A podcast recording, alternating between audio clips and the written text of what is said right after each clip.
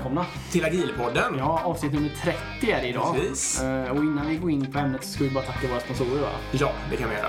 Och det ska vi göra. Ja, och det är Informator. Eh, precis. Som hänger kvar. Utbildning. Ja, verkligen. In och kolla på deras kursutbud, informator.se eller att man klickar in på agilpodden.se, trycker på informatorloggan så får man upp hela kursutbudet. Hellre det faktiskt. Idag är det lite, ja hellre det, för då kommer det via oss. Det är jättebra. Och om ni bokar kurser och så, så kan ni bara skriva med agilpodden. Eh, men idag ska vi faktiskt göra lite en annorlunda grej. Just det. Vi ska prata engelska. Ja, We will talk English this episode. exactly. And Eh, uh, why is that? Why is that? Because we have a guest here. Exactly. We have Woody Zuil with us.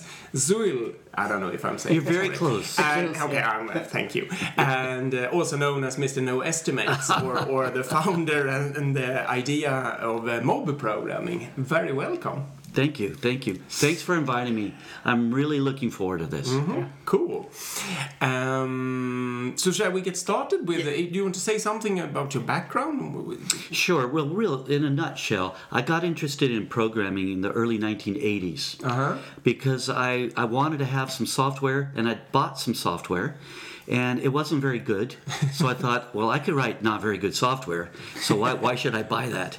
And I actually uh, found it was quite easy to do the things I wanted to do. Uh-huh. So that really piqued my interest. You know, if you have an early success, then you, you want to do more You of it. sort of, and so it, it's got more and more interesting What, to me. what kind of environment? I, w- I want to say this in uh, like for my inner eye. What kind of environment were you sitting at? So uh, when I first started programming, uh, I owned a little company, Uh-huh. and uh, what I was, uh, I was definitely solo programming, and the computer was one of these. Uh, it was a, it was an Osborne, which were very. They had a tiny little screen, uh, and uh, almost no memory. Uh, so you know, you sit there with your face stuck in the computer all night long, writing software. But I was going to use this software, and I did use it for this business that I owned, uh, which was a small manufacturing graphics and signage company. Okay. And it actually, the programming, I was very interested in the signage and uh, the art of it and the craft of it. But the programming just became more and more interesting and eventually took over my interest. So about 15 years later, I started working for other people doing software, uh, got out of the business uh, in the late 90s. Uh huh. So I switched to software development. Okay. And that was in San Diego where you In lived, San so- Diego. Yeah. So actually, I've, I've lived most of my life, really all of my life, in the San Diego area. Okay. So that's where I come from, and uh, it's beautiful, beautiful area to live in, and plenty of great outdoor stuff to do. And so you always have that trade-off: do I want to sit in here programming or go out and do something fun? So uh, programming is a very interesting thing. It always got my attention. And so actually, I've been doing programming uh, at least a little bit for the last thirty-five years. Yes. In a row, basically. yes. Yeah, mm, that's uh, that's a lot of experience. So yeah, and I'll I'll, I'll say this really. Uh, uh, I think for everybody out there who wants to learn to program, you only need to learn a few things for it to be useful to you. So, and then once you do that, you just take baby steps, making it more and more useful. Yeah. It's not as hard as it seems. You know, uh, it, that doesn't mean you can become a great programmer necessarily. I'm just an average programmer, uh, but I, but I do, 35 years of experience. Right, so- and, and I've gotten to write a lot of code. Yeah. So I've gotten to see a lot of bad code, but also a lot of bad working environments and a lot of bad practices, along with really good working environments Yeah. and really good practices. And I hope I've written some good code along the way. Yeah. Yeah, because somewhere in, in this journey you also started to work more with the way of working rather than writing the code, right? So you really hit the nail on the head. Do you use that uh, saying in Sweden? Yeah, Okay. yeah. Because uh, somewhere around 1999, I worked at a place where, uh, so when I uh, started doing contract work in, in other companies, I worked at a place which I would say was as nearly ideal as you could get. It was a very, very small shop, and they were doing a lot of things that in a few years from then you would uh, notice and call agile. But at that time, they didn't have this agile terminology. Two years before. So it's like just a little bit before the manifesto. But uh, this fellow that I was working for uh, had a real good understanding of these things, and he's a brilliant programmer. And so I got to see things working really effectively. Uh, meeting frequently with the customer, focused on the customer, focused on making it easy for everyone to excel in their work, uh, taking baby steps, delivering software really frequently, not even every two weeks, but every day, every few days, something was ready to look at and use. So all the things that would later we would talk about as being agile, they were already doing, these things. R- That was a short contract. I was there three months, and then I went to another contract where it was completely the opposite. It was a big place, and the processes were too difficult to work with, hmm. and they made me pretty much feel depressed. And everyone I worked with kind of seemed depressed. And, and as a matter of fact, not to go too far on this, but it was mostly people that were a great deal younger than me. So uh-huh. a lot of them were almost maybe about half my age and i could see young people should be happy and and enjoying their you know their first big job and stuff and these people are not enjoying it. So i could tell we got to improve this. Now i'd been self-employed and with employees of my own companies for many years and i started noticing that the things the bosses in this company were doing were some of the same things I would have done when I was a boss. And now I was just, uh, I sh- should say, I was an employee under these bosses that reminded me a lot of the way I used to be, and I hated it. So then I realized I must have been a terrible boss. so then I had to think, well, what am I going to do with that information? Now I'd already been trying to become a better boss in the last few years of my having my own business, but that's when I really started focusing on it. The difference between those two companies told me there is a better way. we yeah. don't need to be so stuck in these worst things. Okay. So there you go. Yeah. Of course, it's mob, the mob programming and the no estimates. Yes, How did yes. you find these tools and how did them start? And how Oh. did they start? So mob programming really simply is is just uh, it emerged from a team that was attempting to learn how to work well together. Uh, so if, if we start there, uh, during the time between this when I said 1999 and somewhere around 2009, I had been focusing a lot on finding ways to improve our practices. And it, tur- somewhere along the way, it dawned on me that it's not about the practices themselves. It's about having a way to assess practices. To say, Okay. could Yeah, this be good or not? yeah. And so, if you try a practice and it doesn't seem to really work, you have to be able to evaluate that. Yes. Wh- What's wrong with it? Do we need to change? Should we be doing this? So, I've been trying all sorts of things. Somewhere around 2000, uh, I had been introduced to uh, pair programming. Mm-hmm. Mm-hmm. And pair programming is essentially, for those who don't know what it is, is two computer programmers sitting at a desk at a single computer. Mm. They'll talk about what they're going to work on, and then they're going to do it. Yes. But what often would happen, it would kind of um, regress. I don't know if that's the right word, but it would turn into instead of two programmers working together, is one programmer working and the other one watching them work. Yeah. And so I call this driver observer. Yeah. So there's somebody at the keyboard, they're kind of driving, and the other person's just sitting there watching. And that's not necessarily an effective way to do mob program or pair programming. So uh, along the way, I heard of uh, the idea of driver navigator. And in driver navigator, the navigator is keeping their eyes on where we're going, and the driver is keeping us going quickly uh, based on the directions that are being given by the navigator. So, to, an easy example would be if we're going to uh, look for people who have had a late payment uh, on their credit card and we need to send them a notice, then the navigator might say, you know, that's what we need to do, and then say, well, the first thing, let's get a collection of, uh, of people who have had a la- late payment in the last six months.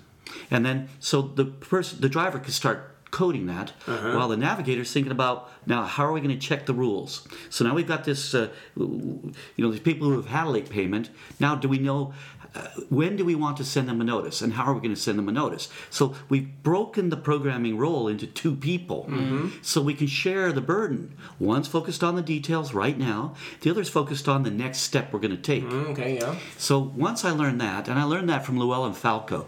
If you ever get a chance to interview Llewellyn, you should. This is a warning I will give everybody uh, in your podcast. Don't take your friends to conferences. I took Llewellyn to a conference. He fell in love with someone there, and and ended up moving to Finland because of it. So Okay. just a So warning. he's quite close. Because he used to live just 20 miles from where I live, Uh-huh. and now he lives thousands of miles away. Yeah, but So, closer to uh, us. Very close to you, so it's convenient for you. We have to go to Åland sometime and interview uh, Agila Åland, so maybe we should take Ah, Finland on the same trip then. Yeah. So uh, he, I learned this from him. He told me this kind of pair programming works best if we follow this simple guideline. If you have the idea, then you aren't at the keyboard. So that means when you have the idea, you give up the keyboard to the other person. And And, he explain. puts it this way For an idea to go from someone's head into the computer, it must go through someone else's hands. Mm.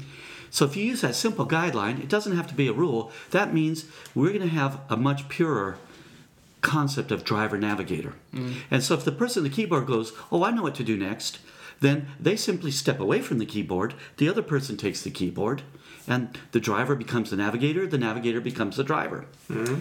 So interestingly, once I started doing that, Still in pairs. Where, with yeah. pair programming, Yes. Mm. and that was, uh, you know, after that was 2007 or eight, I think. Uh-huh. Mm. But that kind of made it a lot easier to do very useful pair programming. Uh-huh. I started then working with testers and product owners and others than just developers. Uh-huh. Because now I could sit at the keyboard and they could tell me what they want. Mm. And they could be the navigator, and I could just be coding it right there with them in real time. Yes. Mm. So, so then in tw 2011, we I was uh, bringing these ideas to a company in San Marcos, which is near San Diego in California, and we were trying to learn how to work well together. And they were starting to learn some of these techniques of pair programming that I had learned. And one day, we needed to get together in a room to look at some code that somebody was having trouble with. And as we started looking at it, someone started navigating us through this code. In other words, uh, we looked at the code and we could see some problems, like a very long method. A long method is a code smell. If you have to scroll through a method, it's too long. So the person stood up and started navigating the person at the keyboard. We call this, and I think it's Arlo Belshee coined this term, uh, read by refactoring. If you don't understand the code and it's hard to read it, just start refactoring it. You'll get an understanding of it really quickly. Yeah. So this was something we'd been learning to do. They started guiding uh, through the refactoring, and after a few moments of doing that, someone else chimed in and said, "Oh wait, uh, maybe we'll need to reverse that and try this instead." So we started collaborating, and the whole team became the navigators, and the person at the keyboard was just simply following their instructions. This can lead to chaos if we're not careful. Mm, okay. Because too many people talking. Yeah, I mean- it's like if somebody's sitting in the back seat of the car, somebody's sitting in the front seat of the car, the person in the front seat's talking to the driver and says, looking at the map, says, let's turn the next right turn. It's about three blocks up, turn right there. And the person in the back seat, when we get there, goes, no, not right, turn left. Well, all of a sudden the driver doesn't know what to do. Mm. So we have to be really careful mm. um, not to make it a noisy environment where we're cautious about giving just the right amount of instruction. But at the end of the day, we'd only worked that way for a few hours. We noticed how good it was. Hmm. We were doing an end of the day retrospective every day. We would stand up and say, What went well today? And then we'd ask ourselves, Well, how can we turn that up for tomorrow? Hmm. How do you turn up the good of today tomorrow?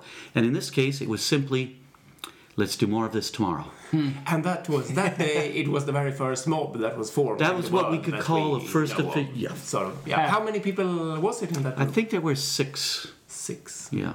And, and actually, at the end of that day, everybody noticed four things. First of all, that we had learned a lot. Mm-hmm. Uh-huh. So that's a powerful part of mob programming Yes. is there's a lot of learning going on. If it's not my specialty of what we're coding right now, I'm going to learn a little bit about more about how my specialty, my expertise fits in with that Uh-huh. expertise. Mm. So if, if we're doing something with the UI and I'm let's say a back-end programmer, I'll learn better how a UI person thinks and how they would use what I would do. Mm. And then when we were doing the back-end thing, the reverse would be happening, mm. right? So we were seeing more about how each other worked and we were learning more than that. But two, another thing we noticed was we actually got a lot done. That's a big surprise because with four or five people, six people together, you would think they'd be getting less done. Yes. But we got a lot more done. We noticed that our quality was quite high. With four, five, six pairs of eyes Yes. on the code, everybody's paying attention to that. mistakes. Matter of fact, if you do something that's not quite up to the quality that somebody else could guide you to do, you'll raise your own quality. Yes. And pretty soon, we're getting the best of everybody into everything we're doing. Yeah. Uh, two more things we noticed though. One was it was lots of fun, and also it didn't wear us out. In other words, when you're sharing the work, it's a lighter load, mm-hmm. and yet so we're getting more done, better quality. It's fun, and we're not wearing ourselves out. Mm-hmm. We wanted more of that. And which year did you say that this That was was? t- 2011. 2011. Yeah, so that's six, Seven- seven, years ago almost. Six and a half years. Uh-huh. Yeah. Yeah. So th- and they've continued to work that way. I stayed there for another three and a half years, and then I started getting so much demand to speak at conferences about that. I had to make a judgment call, uh, and my goal in the first place was to work with this team just long enough for them to know the best of what I know, and then they wouldn't need me anymore. But it became too much fun, and I ended up I ended up staying longer probably than I should have. So I was there for four years, but but so many people were asking about this. I thought it's time for me to go. And my first invitation to, to come to Europe was to come to to uh, Sweden, and I started sharing it here. So that was really six and a half years ago, and they continue to work this way there now. We started with the one team, and I think they have eight teams now Cool. All doing mob. all doing mob programming. So the company itself is a rather large company, 2,500 people. That's not large, but 2,500 people. But it's not all. It's not software. It's a manufacturing firm. Uh-huh, okay. So they, So they have an IT department. and they have an IT department with quite a bit of software development. Exactly. And and I told you before also, but uh, I have two teams or. Oh yeah, tell me about that. Yeah, I have. It's 25 people in that group that is doing Oh. one application. Yes. Uh, and they are doing it in two mobs. Uh, Ah. So they have different uh, roles. Of course, one is product owner, uh, Right. And and then they have different specialties. One is more in, in automating tests, and one is more into like helping out with requirements. So al- Uh-huh. also and also then back end and front end. And it's like a that. big application, complex application. And one of the problems um, I noticed when I started was that the knowledge transfer was very low and we were very dependent on each person.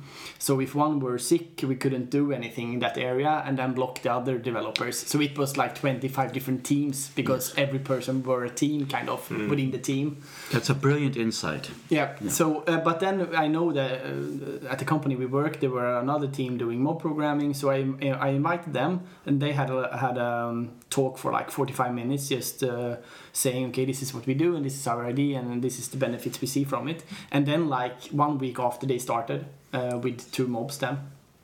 Uh, and and they are still doing it today. And this was like, was it three months ago now? Two months ago. Excellent. Uh, so they're doing it now uh, uh, between 9 and 11 in the mornings, and then they have a break between 11 and 1, and then from 1 to 3 they do it again. And then they do all the meetings before or within, within the breaks.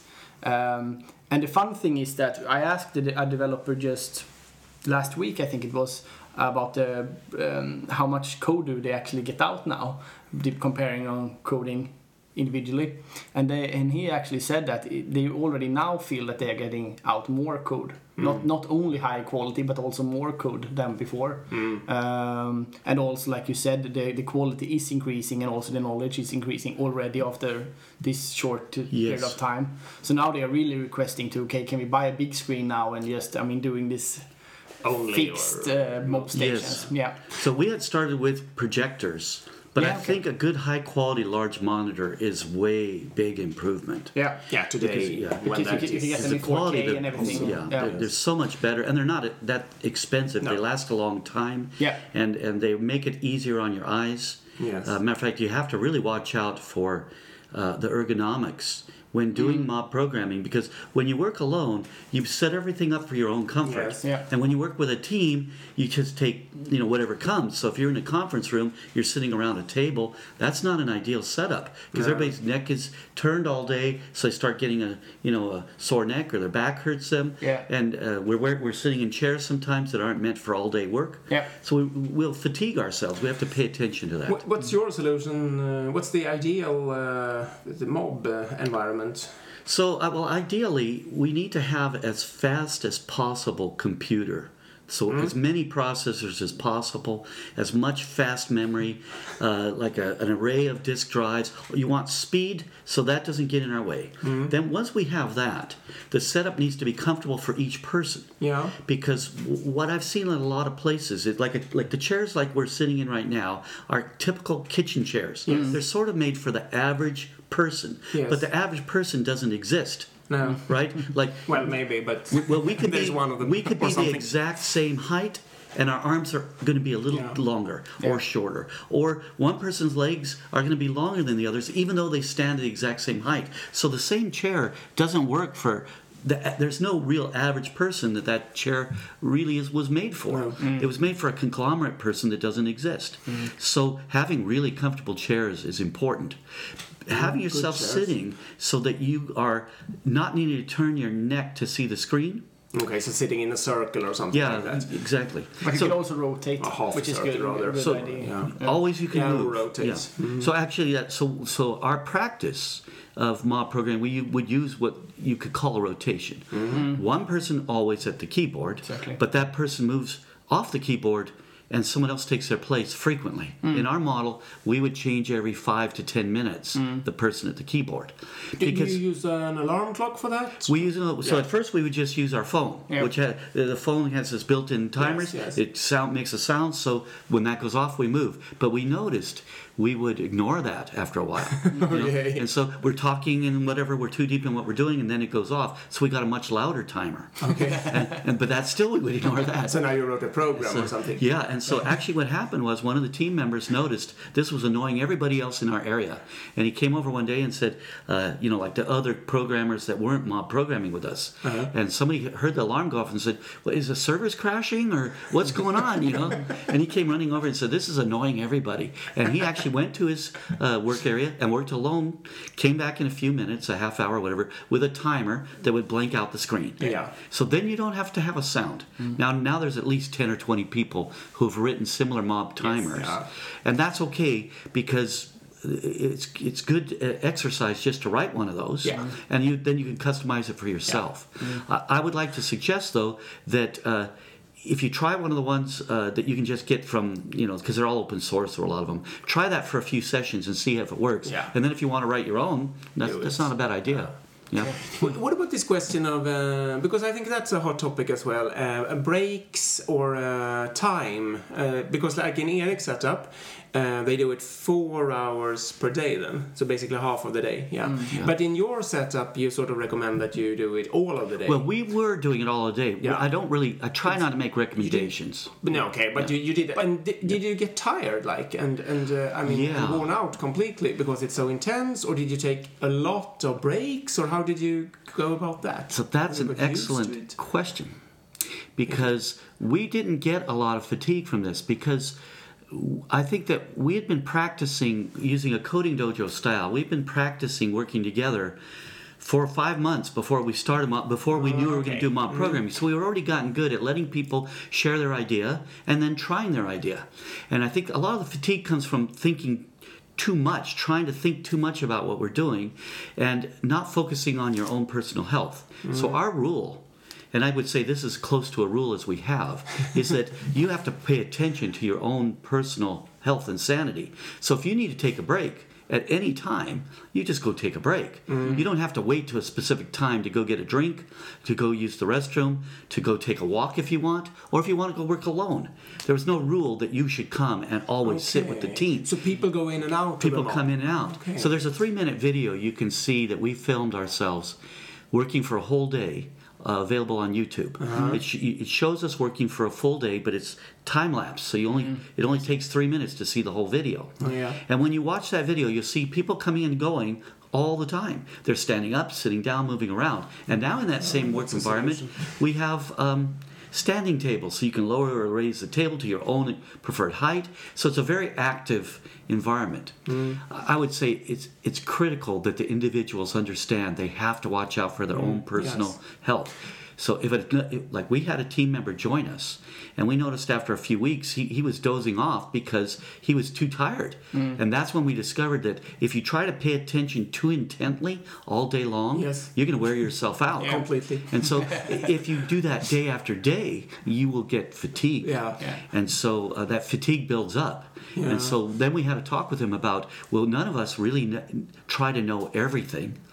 It's all interesting, but to stay focused on your own specialty and learn bits and pieces about everything else. This is the rule. Or I, I don't want to use the rule, the guideline we use. guideline, yeah. It would be like this you contribute when your contribution is meaningful, mm. and you want to give your best contri- contribution at just the right time and in just the right way. Mm. If you do that, that means that you're waiting to see when you think your contribution really will bring value. And that it doesn't block the flow of what it, other people are doing. And it looks like right now is a good time you share it. And then you do it in the right way, which means you're not overly insistent. You're not insisting that my way is the right way. It's just that here's the way I think we should try. Hmm. Now it's for the team to decide. Don't get a hurt feeling if somebody says, I've got a better idea. Then we can share both ideas and we can try both ideas. And then, by trying both ideas, two things might happen. We might find one or the other doesn't work, and we might find they both work. Yes. So now, and we could also find neither of them works. Of course. So we now need to, st- to talk a little more. Which did we like the best? Which one should we continue using for now? Or the most wonderful thing is, I've got an even better idea now. Yeah. And we don't get the better Combining idea without trying. No. It's we don't get the better ideas by just talking. Mm. Matter of fact, talking often is a an issue in software development because it blocks us from the experiment that we should be doing instead. And that's why I, too much discussion, too little trying. Exactly. Mm. And so, I, and I, my, my wife, uh, who's an artist, if you watch her work in her art, she will do a hundred drawings mm. before she even gets the idea of the of the piece she wants to work on right mm. now. And after she gets that, she's going to go through a bunch more drawings, refining till she gets the idea enough where she wants it to be to try the final work. So this is a lot of winnowing. You know, uh, we're, we're going to bring, we're going to, we're going to see the ideas, try the ideas, learn from the ideas. That's where we get our best results. And there's a lot more to it than that. But Of course. there we go. So that's how a lot of people ask, well, how do you deal with conflicts on the team? We just have to realize that it's never a conflict of personalities. It should be only we have conflicting ideas. This, my idea is enough dif- different from yours that maybe we're looking at it from two different points of view. Let's try them both, see what we learn. Yep. Mm. Good point. So I I would like to ask that of you, Eric, in your mm-hmm. team.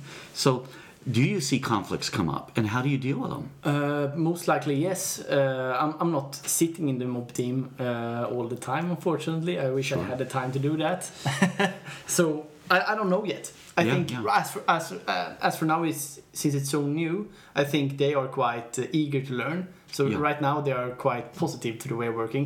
I think over time it will be more conflicts and, and uh, problems maybe. Yeah, Uh, yeah. But, but also back to your question there with with programming all day, or Yes. mob programming all day. I think that right now it's not possible to do more for than four hours because we have a meeting culture.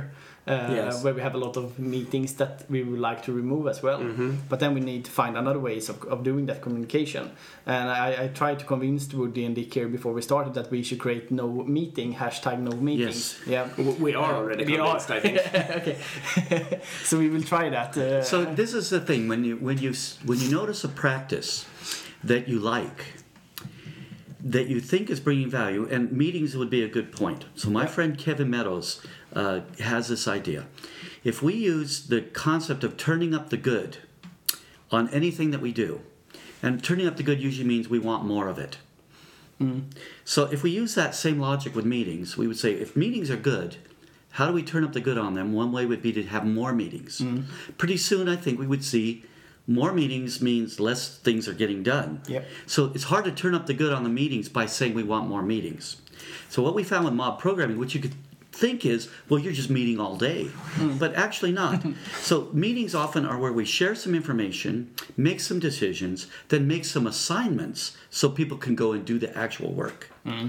So in this case, we are still talking about what do we want to do, but instead of assigning it to someone, we just do it. Hmm. So I think turning the good on having instant trying of our ideas was what a big part of what mob programming was. So if we could turn up the good on meetings, how would we do that? Should turning up the good on meetings making them shorter and more frequent, uh, making them very focused? Uh, what kind of things could we do to turn up the good on meetings and see if we can get more value out of them? But I think that kind of it's like with so many other things, and the no estimates thing we mentioned earlier Yeah. is that sometimes getting more of something doesn't work, and trying to do them better doesn't work. Just remove and, them and instead. t- maybe removing them can work. And there's lots of examples of that in real life. Yeah. And a good example for me is when I'm on these trips, everybody offers me sweet candies, desserts, and so Mhm, on. a So I eat too much Mm-hmm. Yeah. Easily, yes. and I gain weight. So, is there a way for me to eat the sweets and not gain weight? There actually isn't. So, what do you do? Is what's that? no, not really. Yeah. So, I mean, your choice is to eat fewer of those sweets, or or uh, walk more. I Yes. mean, you don't have a lot of choice. You can't chew the candy slower, and then it will give you fewer calories. No. because it still give you. You can't swallow it whole. You can. You, what can you do with it? so there's no way to really. Um, so. Th- This is what the no kind of idea is. So if I drink a soft drink and it has no sugar in it, I'm going to drink, uh, you know, a zero cola or whatever. Uh, that's the way to turn up the good. But I don't like the taste of those very much, so I drink more water. Yes. So, so sometimes doing away with the thing gives me the benefit I want, which is to try and keep myself in good enough shape to continue going tomorrow. Yes. Yeah. So But also, I mean, if you if you really quit with something, for example, meetings, then you will also notice what do we actually miss. what do we miss from it? Exactly. Yes, and, right. and that will be mo- much more easier than sitting and having them and guess what we Yes, will miss. of course. So that's the experiment. Yeah. Yeah. Listen now carefully, everyone. Uh, I, I declare hereby that uh, in my organization I will try a no meetings a week at least to see what happens, and then I will talk about that And I, and I will of course join that. Yeah, And you have enough listeners to uh, to hold you to it. yeah, yeah, there are some tens of thousands or something. Yeah. So we That's will no now be problem. uh, Yeah. Yeah. So this is accountable for this. you make a declaration in public. You Yeah. got to you got to Yes. do it. Yeah. and your organization is also listening to this podcast, so they. Oh no! they are forewarned. And remember where you heard it first. It was Agilpodden, and this was Erik's idea. Hashtag no meetings. So I got to warn you though, there is nothing new under the sun, right? So whenever I talk about mob programming, invariably someone will come up and say, "We've done that before," and that's so. If you start talking about no meeting, somebody's going to come up and tell you, Of "We've course. done that Of before." course. Yeah. So you, you'll hear it, you know. Yeah. True. So, so what would we like to c- discover next? Um, We move to the estimates? yeah, we probably should. Uh, like, I mean, you have a project, you have this idea, uh, you have a business case, and uh, you can earn this amount of money from the idea. So you ask, the high management team asks, what will this cost to develop this?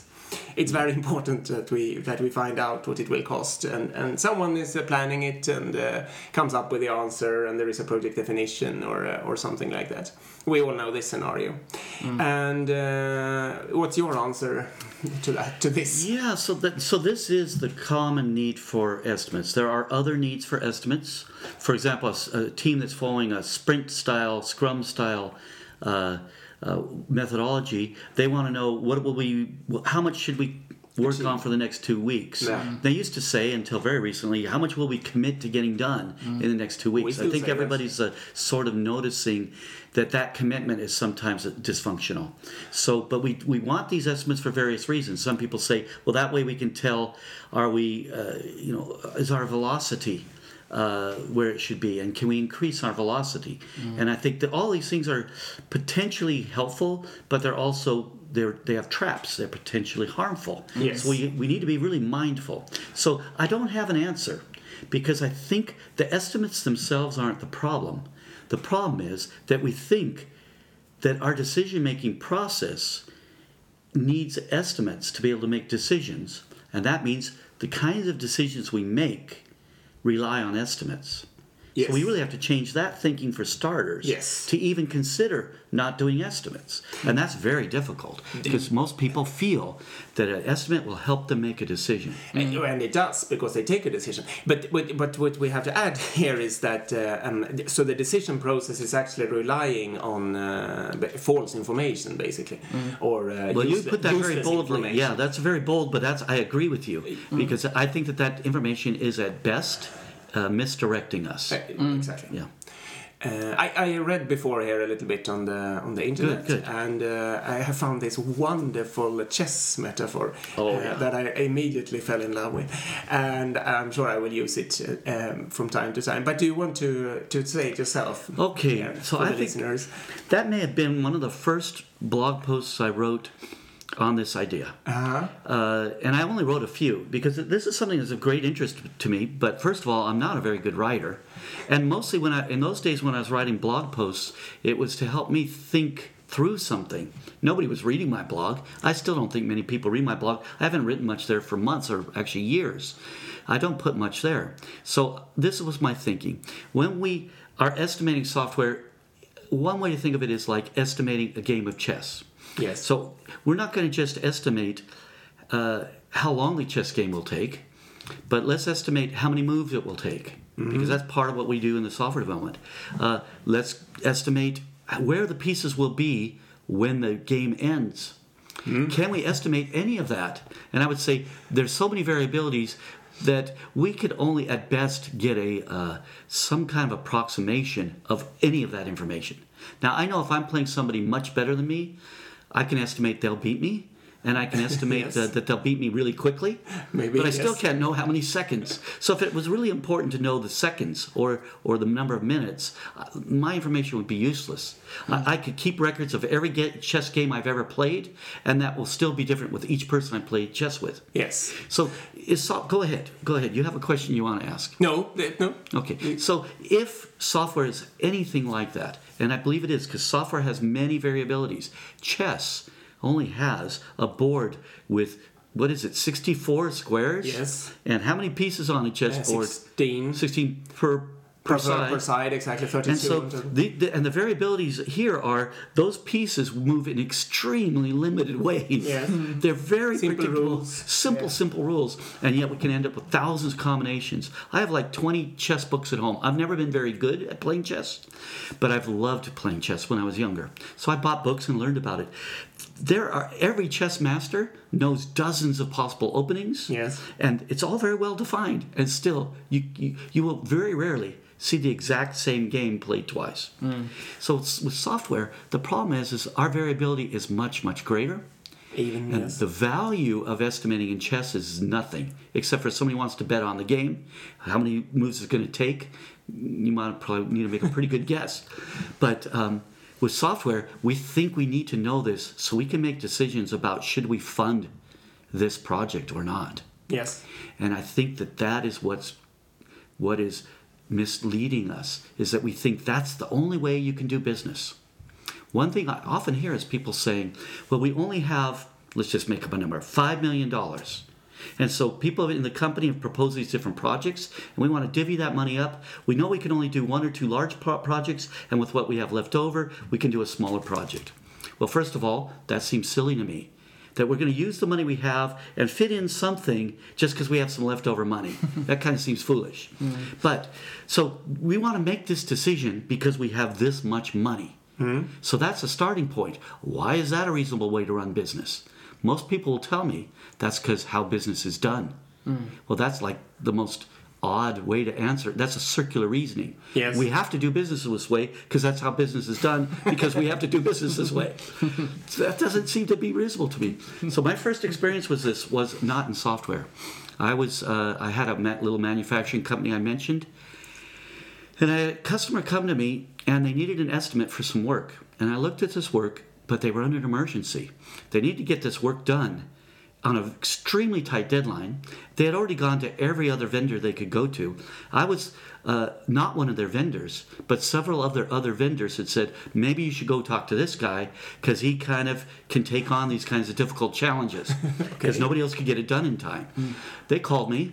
I looked. Uh, I looked at their work, and I said, and they wanted an estimate. And I said, "You." So this was a Friday afternoon. They needed the work done by Monday. Oops.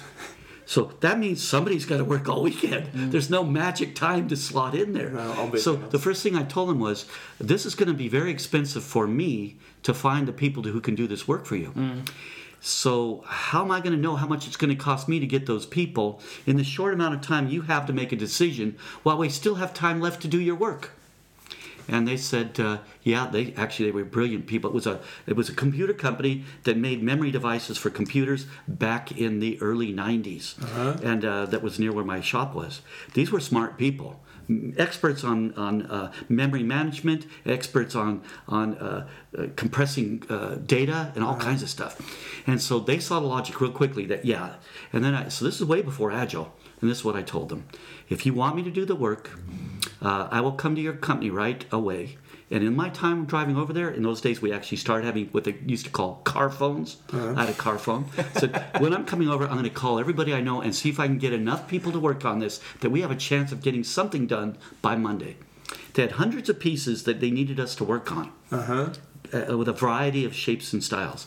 How do you give an estimate for this? I'd never done their sort of work before. I never tried to do specifically what they were wanting to get done, and I had no idea how much it was going to cost me. So by the time I got there, I just told them, you need to make a decision right now that you can assign somebody to this work.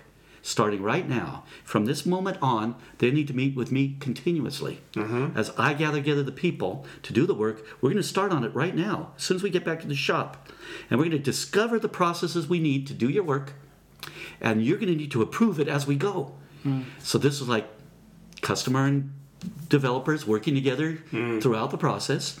We're interfacing with the customer, and we're going to do it iter- iteratively. Yes. And we're going to we need instant feedback, instant feedback, or we can accomplish nothing. They agreed to do it. We finished this up at the end on Monday. We had the lion's share of their work done because everybody collaborated.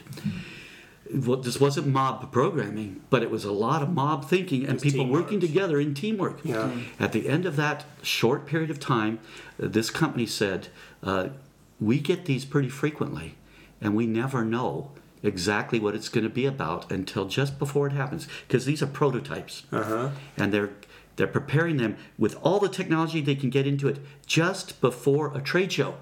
So they don't know what they're going to have ready to go uh-huh. mm-hmm. until the last few minutes. And that's when it dawned on me I don't want customers who want to get a price. I want customers who have a serious problem to solve. Mm. And they actually told me this at the end of it. They said, I don't think there would have been another way to get this done. And I thought, in some ways, we had just invented a process, but as I started studying about it, I found that lots of companies work this way. This is a no estimates way of doing custom manufacturing. Hmm. That actually worked so well for them. I changed my way of thinking about customers. I started going, what would be ideal for me is to find customers who just have a, a problem to solve and they really don't care that the, the cost of solving it isn't the big part. The solving it is the big part. So software development is very much the same way. And I, I want to put a point on it. I know you're going to have some questions. This is what I believe is the value of software development. It's not in doing all the work up, uh, that we think we need to do. In other words, if we want this amount of features, the important thing isn't doing that amount of features. The point of, the point is doing just the right features and just enough of each feature hmm. so that we can deliver something that the customer wants and we can discover what they want instead of trying to figure that out ahead of time. So a business, the job of a business is not to to have a limited amount of money to spend. The job of the business is to to always be making enough money to spend the money they need to make to do you understand what I'm saying? Mm-hmm. You, you need to spend money to make the money. It's not about having a limited amount of money. It's about finding a way to make the income that you need from the money you do spend. That's a different, slightly different way to look at it. I mm. probably didn't explain it very well, but that's what I started looking for. Let's find a way to get the income coming from the efforts we're making instead of limiting what we're willing to consider doing and then making the choice based on the limited amount of money we have. uh, let's find a way to monetize sooner and more directly. Now, this was back in the 90s. I didn't invent anything. That's what the people who are now already were doing lean and startups at those days were had already figured out. It's just we stumbled on it too. So you're basically saying that you should, if you have a, a business, you should monitor the how the mon- how much money are coming in, or how the money are coming in, etc. Or is it sort of uh, watching this flow at the same time, and that determines how much money you can actually spend uh, on developing things or whatever you want to do, and then find this as a balance with between between the, these two flows. Yeah, so Something like conceptually, conceptually, the idea is getting good at experimenting with your concept rapidly and determining can we start bringing income in? Mm. Instead of saying in two years if we do everything right mm. we're going to get this much value. Yeah. and that's what those meetings you talked about earlier. They say we know we're going to get this much value so how much is it going to cost us? Well guess what? The value was just an estimate anyways. Mm. And there's a funny thing that happens. When we estimate value we usually estimate it higher than it Yeah, may actually- overestimate and when we estimate cost we want to push it Yeah, of down course. so so That's human. we're, so we're tricking ourselves Yes. Mm. so uh, you Richard uh, Feynman a famous physicist said uh, we have to really be careful not to fool ourselves because we are the easiest person to fool Yes. and so that's what we're doing Yeah.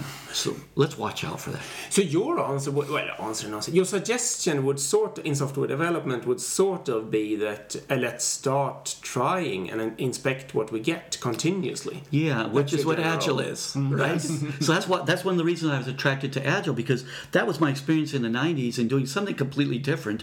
And then when I heard people in the late '90s, they were starting to talk about these things. You could read stuff. All these people had these different ideas. The people that ended up grouping together to talk about Agile, they were already doing these things. Yes. And and that's what they did. They said, okay, let's deliver in small bits.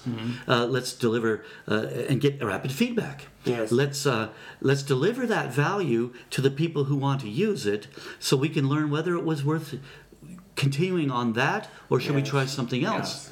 And then let's let's emphasize how good it can be if the business people and the developers work together all the time. Yes. And so when we found these things, all they're talking about, the Agile Manifesto and the principles behind it are really kind of uh, direction. It just says if we think about our work, like improve the ability for the individuals to excel at their work and improve the ability for them to have really great interactions that's interactions uh, individuals interactions over processes and tools then that's what we want if, if a tool becomes detrimental to the ability for us to excel or detrimental to our ability to work well together, then we should scrutinize should we be using that tool or that practice. Yes, of And- course. it can go on with delivering working Yeah. software, uh, responding to change, uh, collaborating with the customer. That's Yeah. what these things are.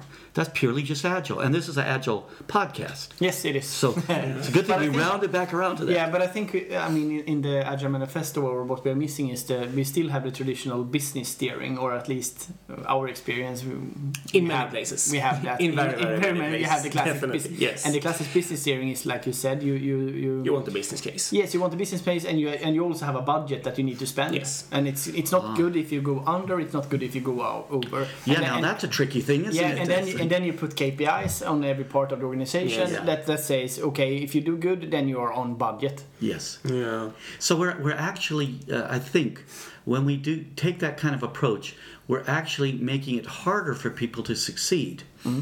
And we're using measurements that people will need to learn how to game, if you understand that terminology.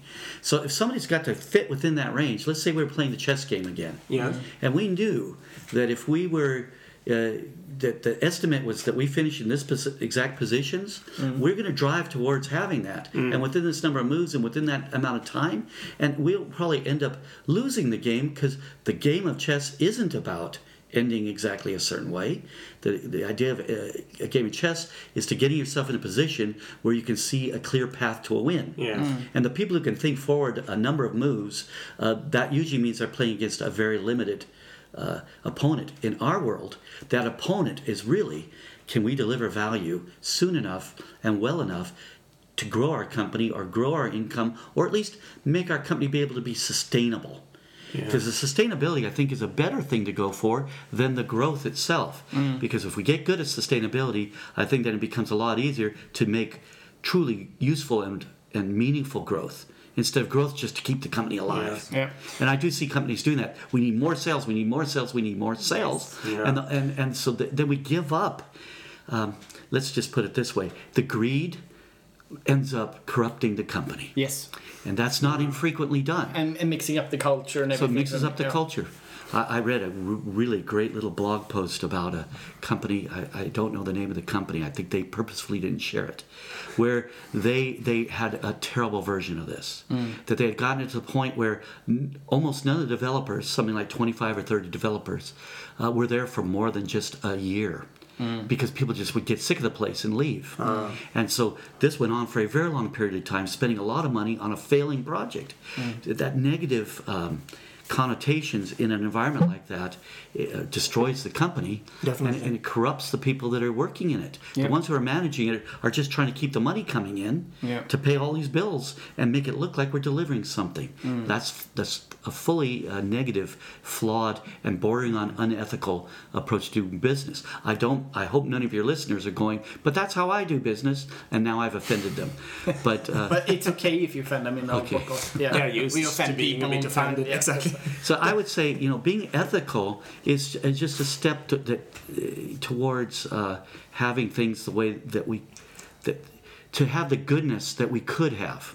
So ethical is is something that's important to us. At the end of the day, everybody has to maintain their self-esteem. Yes. Uh, we should never have somebody else uh, uh, pay for uh, our unethical behavior, and so that's what commonly happens. If, if we are cheating a customer and cheating our employees or cheating our peers and our coworkers by stealing their time and all these things, we need to be aware of that.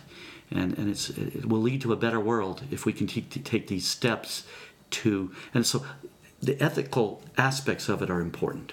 Yes. And I've seen many companies that I would say are bordering on being unethical. And I think that that's something we need to pay a lot more attention to. Yeah. I think estimates are one of the things when we have a vendor and we have a, a Supplier. the, uh, so we have the supplier Customer, and the customer, and then we get an adversarial relationship. And uh, there's a great book. I'm sure most of your uh, listeners would know of the uh, um, Out of the Crisis, the book from Deming. Uh huh. No. I haven't. Well worth reading. Uh, let me make sure, uh, before we're done, I'll make Yeah. sure I got the name of the book right. So, Deming is a very famous systems uh, person who had, uh, is well known for bringing a lot of this uh, thinking that he had into uh, post war Japan. And much of what Japan's success for a long time was based on this kind of thinking that we're gonna that we can learn a new way of doing business. Uh, and a lot of the companies like Toyota and Honda and so on. But it's not just car manufacturers. We're focusing on this idea of, of what is a different a different way to do business, a more effective way to do business. so we've kind of veered off no estimates. But if I, I bring that back to it, so uh, actually you may have questions to ask. yeah, I have two now. Okay, let's let's do that instead. Okay. Because I just started going on and on, and I can do this for hours. but uh, the fun thing is that you will come back to Sweden. in I will be back to. Sweden. Yeah, then we will do another episode. Absolutely. So, so, but I have two questions. One is that since you live in that area, have you been visiting like Apple or any cool startups in in the Silicon Valley? Oh, that's a good point. Well, now they're 500 miles away from me, Yeah. but I, I have been, uh, so I've gotten to visit a few companies. Yeah. And one that I've uh, visited both uh, in, um, in San Francisco and in uh, Boston, I think it was, was Twitter. Okay, cool. And I got to do talks on mob programming there. I don't know if they do any or not, but I did a talk there. Oh. uh, at both locations, and and that was pretty nice to see. Yeah. And I've I've given a little training uh, at places like Cisco, but not on mob programming. Mm. And so there's a lot of companies there that are. I would say huge and have a lot of great things going on. And when you go visit them, you're just seeing a little tiny bit of it. Yeah, of course. And so, but uh, I have But been. I, uh, I, I guess you still can feel the culture and the, the cool stuff that is happening. And Oh. So it's an interesting thing. The bigger the company, the more variety of culture there usually is. of. You go into this company, and uh, I mean this every part of the company, and they're doing things one way, and you go to that part of the company, and they're doing things another way. And I've done this. So I've done this uh, same mob, basic mob programming introduction talk at Microsoft. And in talking with the people, I could tell it was very different here than it was over there. Now, some of the uh, places I've been uh, that I've really enjoyed uh, doing some workshops at Pivotal. So Pivotal is uh, one of the companies that's been, uh, you know, instrumental uh, in the cloud world and in a lot in the agile world, and so to see them working is like lots of really focused pair programming going on and lots of uh, I think I would think true uh, iterative development and it's just wonderful to, to see this stuff.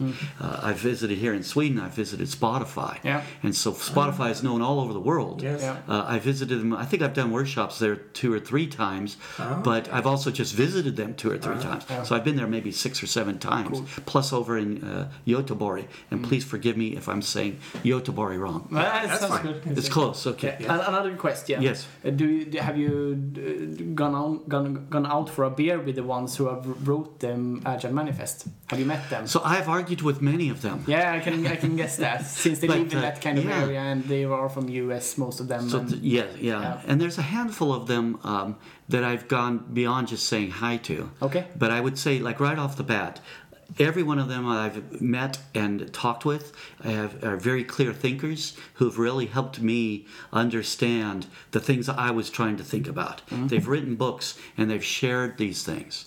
And so the reason No Estimates kind of turned into something was because a Twitter conversation I was having with Ron Jeffries. Okay. And Ron Jeffries is a like he's a deep thinker, and he, but and he's also bro- broadly thinks broadly. He's thinking about all kinds of aspects of things.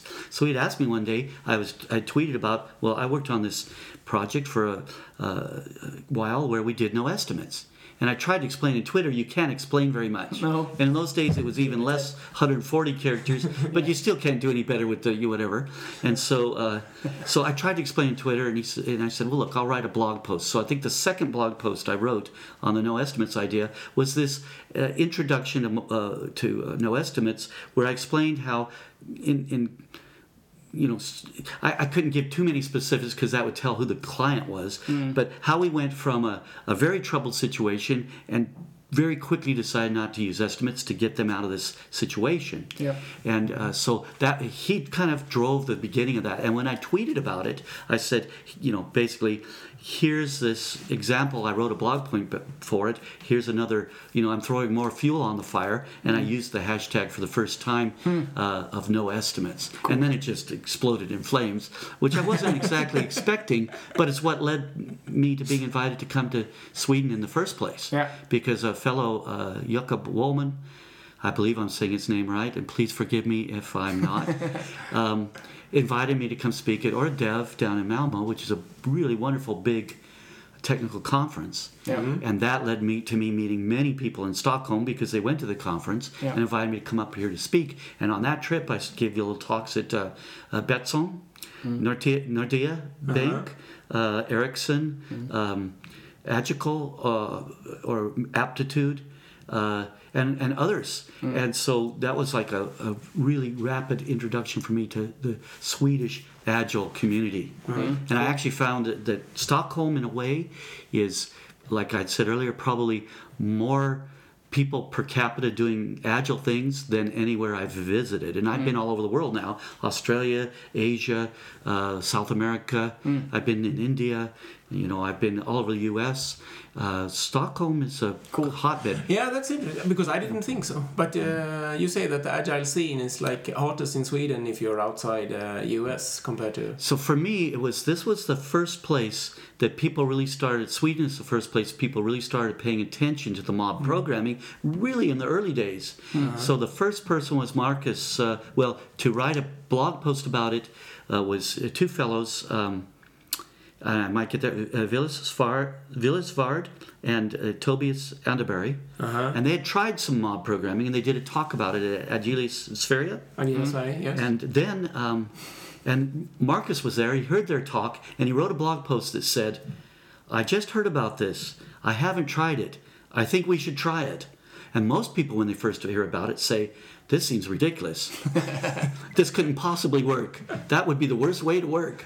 So I thought, well, there's somebody I want to meet. Okay. So I came in. When I came here, I met him, and you should get him definitely on the on the uh, Yeah. on the podcast. We'll He's just to that. brilliant. Yeah, cool. Uh, brilliant. One more question before we end up. I know we Yes, because we so- do. We, we, we might run out of time. Yeah, we, we might. But the, la- the last question is that now we will, of course, create then new meetings. But what will be the next big thing in the Agile community, you think, moving onwards? Ah, well, so not coming from me, I, I think I'm seeing a lot more of the idea of of being able to quickly take an idea and deploy something for it. So we're seeing that all over the place now. Mm-hmm. So the, the the idea that we no longer need to think about do we need to set aside a year for this project? Mm. Is that starting? That's starting to really become a reality. Mm. You know, 20 uh, years ago when I started working for other people doing this stuff, delivering something every day was not common because mm. we didn't have the mechanisms for doing it. No. And people would say, "Well, we don't want to get new software every day. Mm. It takes us hours to or weeks to train our people and so on." I think we're getting that time now where it's a reality, and if you're not able to do it, uh, you want to learn to do that. Uh, the things that people like Joshua Kerievsky are sharing, what he calls modern agile, which is really just taking everything we've learned in the last 20 years or 15 or whatever years and adding them to what we know about agile. It's like the missing word from the Agile Manifesto really is feedback. I wish they would have just slipped that in somewhere because it's about the rapid feedback. Yeah. And, and he's talking about uh, some of these things, and there's others in the industry uh, as well. There's a lot of bright people who are collaborating across companies. And I think that that's another thing I'm seeing more of. So if, if I'm going to be part of it at all, I'm, I'm really glad to be brought along with it. But it won't originate with me. None of the things that I talk about originated with me. And, and I'm really pleased to see this rapid going from idea to, to useful product. Uh, I think that's now coming into its fullness. So that's not really helping. It's not answering what's next. It's just what It's I'm no observing meetings right now. then that is next. Yeah, it's no, it's got to be no meeting. Yeah, but I mean, also you're, you're saying that the trend is that uh, the time uh, to get something out on the market will be even uh, uh, ma- magnitudes shorter, sort of, and that the cooperation between organizations will increase. Yeah. I'm hoping that I'm hoping for that that that the competition becomes less where we're at and the cooperation is more where we're Yeah. at. That's my hope. Mm. And I'm seeing so much of that right now. At Hunter, we would invite people to come and visit us. Anybody. So one of our earliest visitors came from Stockholm. Just come, see what we're doing, learn, share with us your ideas. And I like to see that. This this idea of sharing ideas. Yeah. And that's why a podcast like yours, I think, is so valuable. Yeah. You know, because uh, this is how we can share ideas across companies. It is also the attitude of many modern uh, companies, like Spotify, for example, share a lot of ideas and Yeah. they don't mind that. So maybe we need to go to Right. San Diego then. Yeah. that Well, you're be an welcome to come, and they, if you get in touch with them, they will. Uh, the people now at Hunter still uh, follow that tradition. Come and visit. Um, they'd love to have you. Cool. And and that's really we should say big thank you to you, Woody. Thank you very much. Can I make a plug for an advertisement? Of course, for sure, I should have done. do Uh. Yeah. It's probably too short of notice now, but on uh, April uh, 12th and 13th, we have the Mob Programming Conference in Boston. Okay. uh, in the U.S. It's a little bit outside of Boston, but it's uh, if I don't know if this will be published before then. It will be. Um, and anybody here in Sweden that wants to come, we already have uh, three or four of our main. Uh, we call them moderators. They're like moderators or facilitators, but these are people who have four or five years experience doing it here in Sweden, and they're going to come and share their experiences there. We have other people from around the world, and we gather a very small gathering, uh, maybe hundred people, uh, very focused on just mob programming for two days. oh, that's great. So you can get in touch with me.